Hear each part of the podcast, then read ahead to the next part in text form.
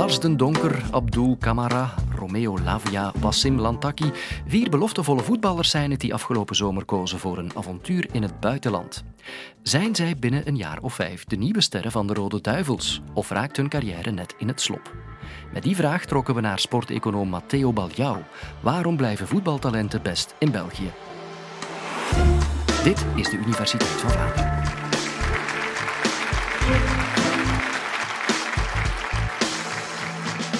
Misschien bent u zelf ouder van een voetballend kind. Of misschien hebben jullie zelf wel gevoetbald.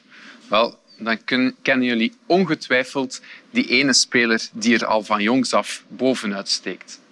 Nu moeten jullie weten dat er internationale topclubs zijn die voor die jonge voetballers al heel wat geld willen betalen. Voor die jongeren is naar het buitenland, zoals naar Engeland gaan, vaak een droom, want het is voor hen het beloofde land. Maar weet dat er heel wat spelers zijn bij wie dat die droom niet vervuld wordt. Topvoetballertjes die moeten op jonge leeftijd al heel wat keuzes maken. En vandaag gaan we kijken naar de keuze die een speler moet maken voor zijn opleiding, zijn sportieve opleiding. Een speler kan ervoor kiezen om zeer lang bij zijn lokale club te blijven. Anderzijds kan die speler naar een Belgische topclub of die kan ervoor kiezen om zijn opleiding bij een internationale topclub af te werken. De vraag is natuurlijk welke impact heeft die keuze voor die jonge voetballer. Daar heb ik samen met mijn collega's Sunčica Vujic en Laurens van Loveren onderzoek naar gedaan, omdat statistiek, economie en natuurlijk ook voetbal mijn passies zijn. De eerste vraag die we ons kunnen stellen is wat zegt de economie nu eigenlijk over jeugdvoetballers? Wel, niet elke topclub kan een dure speler zoals Ronaldo of Messi aankopen. Messi, oh my goodness. Oh my goodness. Aangezien dat deze spelers te duur zijn, gaan ze vaak goedkopere, maar toch talentvolle jeugdvoetballers aankopen. Als we kijken naar Chelsea in Engeland, zij kopen in één seizoen soms tot wel 60 talentvolle jonge spelers aan. En dan hopen zij dat één of twee van die spelers voldoende goed zijn, zodat die voor genoeg geld verkocht kunnen worden op de transfermarkt om die gok als het ware goed te maken. Nu, ik spreek over twee succesvolle spelers. Dan zijn er natuurlijk ook nog een 58-tal andere die achterblijven. En het lot van die spelers is vaak iets minder rooskleurig. Want deze spelers komen niet aan spelen toe in een topteam. Zij moeten afzakken naar steeds zwakkere teams. Zij zitten daar op de bank, dus zij krijgen opnieuw geen ervaring in een eerste ploeg. En finaal kunnen zij zelfs financiële problemen krijgen. Nu moeten jullie ook weten waarom zijn die Belgische jeugdvoetballers zo gegeerd. Wel, jullie weten dat onze nationale ploeg het momenteel zeer goed doet. Er zijn heel wat spelers die in Engeland en in de Spaanse eerste klasse succesvol zijn, ook nog in een aantal andere landen.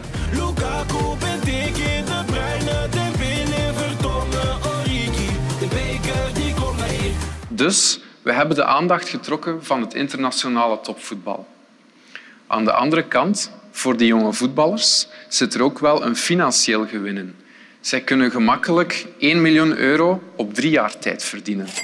De ouders krijgen er dan nog een job bij, een woonplaats, eventueel nog een auto. Dus dan kan je je voorstellen dat de druk vanuit de ouder of vanuit de makelaar best groot kan zijn om die stap te maken. Aan de andere kant is het wel belangrijk om in het achterhoofd te houden dat een speler die echt succesvol opgeleid is en een absolute topper wordt, dat die tot wel 10 miljoen euro per jaar kan verdienen. Dus de spelers moeten opletten dat ze geen korte termijn gewin verkiezen boven een lange termijn uh, opbrengst die veel hoger ligt.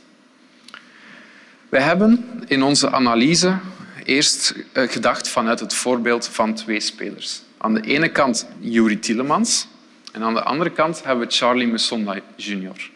Dit voorbeeld toont eigenlijk heel duidelijk aan waar het over gaat. Want beide spelers zijn begonnen in de jeugdopleiding van Anderlecht.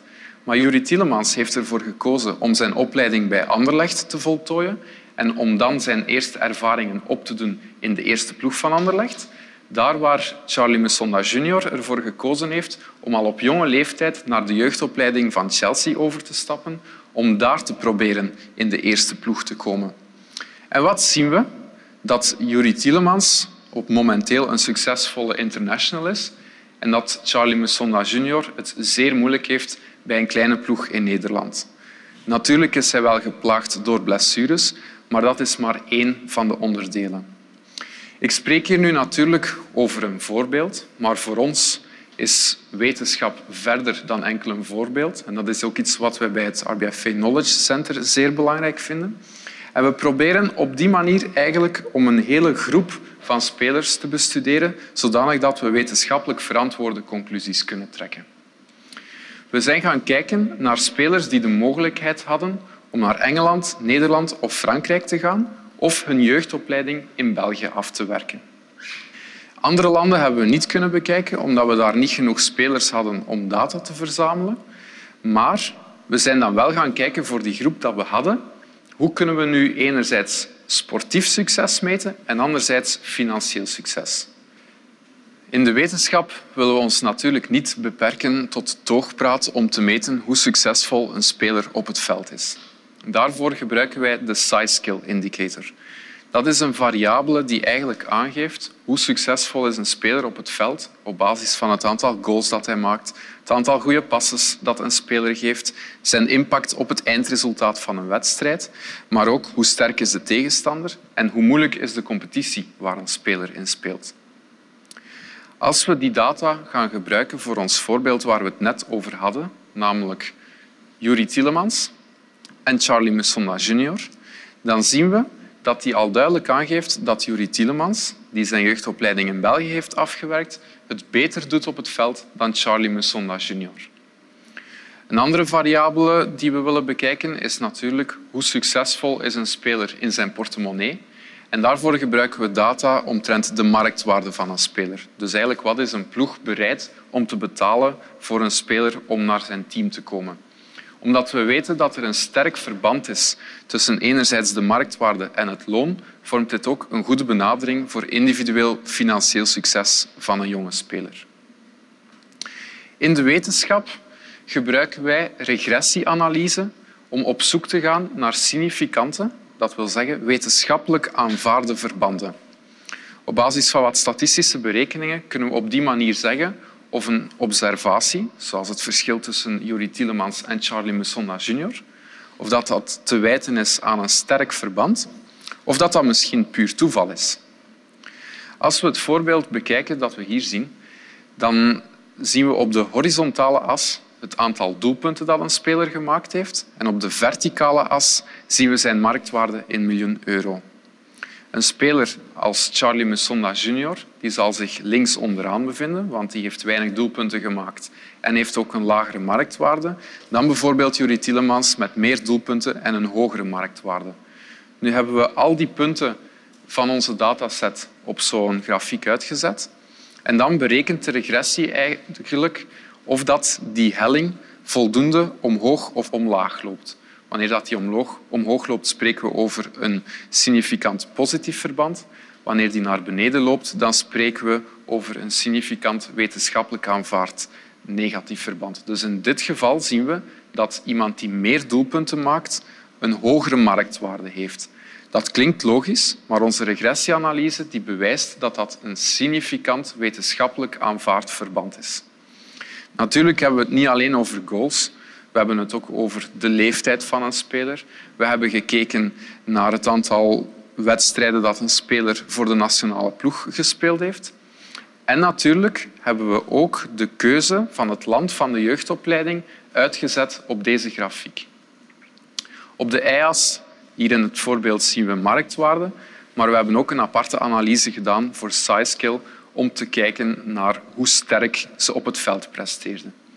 En wanneer we de samenvattende grafiek van deze resultaten bekijken, die eigenlijk bovenop die regressieanalyse ligt, dan zien we dat de spelers in het zwart, dus degenen die hun jeugdopleiding in België hebben afgerond, dat die het significant beter doen op het veld dan de spelers die ervoor gekozen hebben om naar Engeland te gaan gedurende hun jeugdopleiding.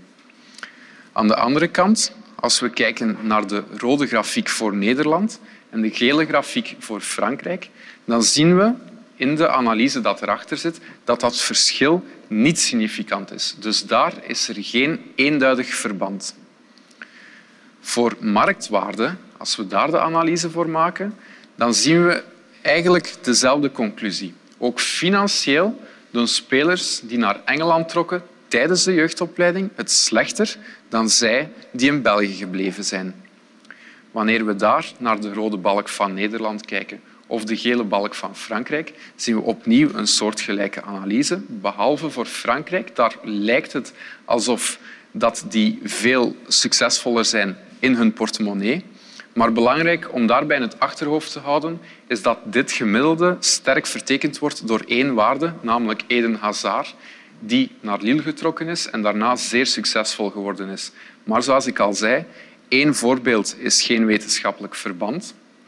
Dus de regressieanalyse dat erachter zit, toont duidelijk aan dat er geen vaststaande relatie is. We zien nu dus op basis van deze cijfers dat de spelers die naar Engeland getrokken zijn, dat die het veel slechter doen dan degenen die hier in de buurt gebleven zijn in België. Het Eldorado van het voetbal blijkt toch niet zo rooskleurig te zijn. Hoe komt dat nu? Wel, in de eerste plaats is er heel veel concurrentie in Engeland om de noodzakelijke ervaring op te doen in een eerste ploeg, een eerste elftal van de club.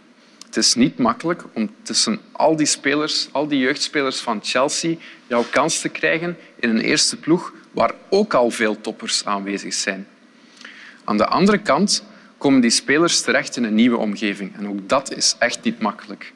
Hun vrienden en soms ook hun familie kunnen ver weg zijn, waardoor dat zij op moeilijke momenten, bijvoorbeeld in het geval van een blessure, niet kunnen rekenen op die familiale steun.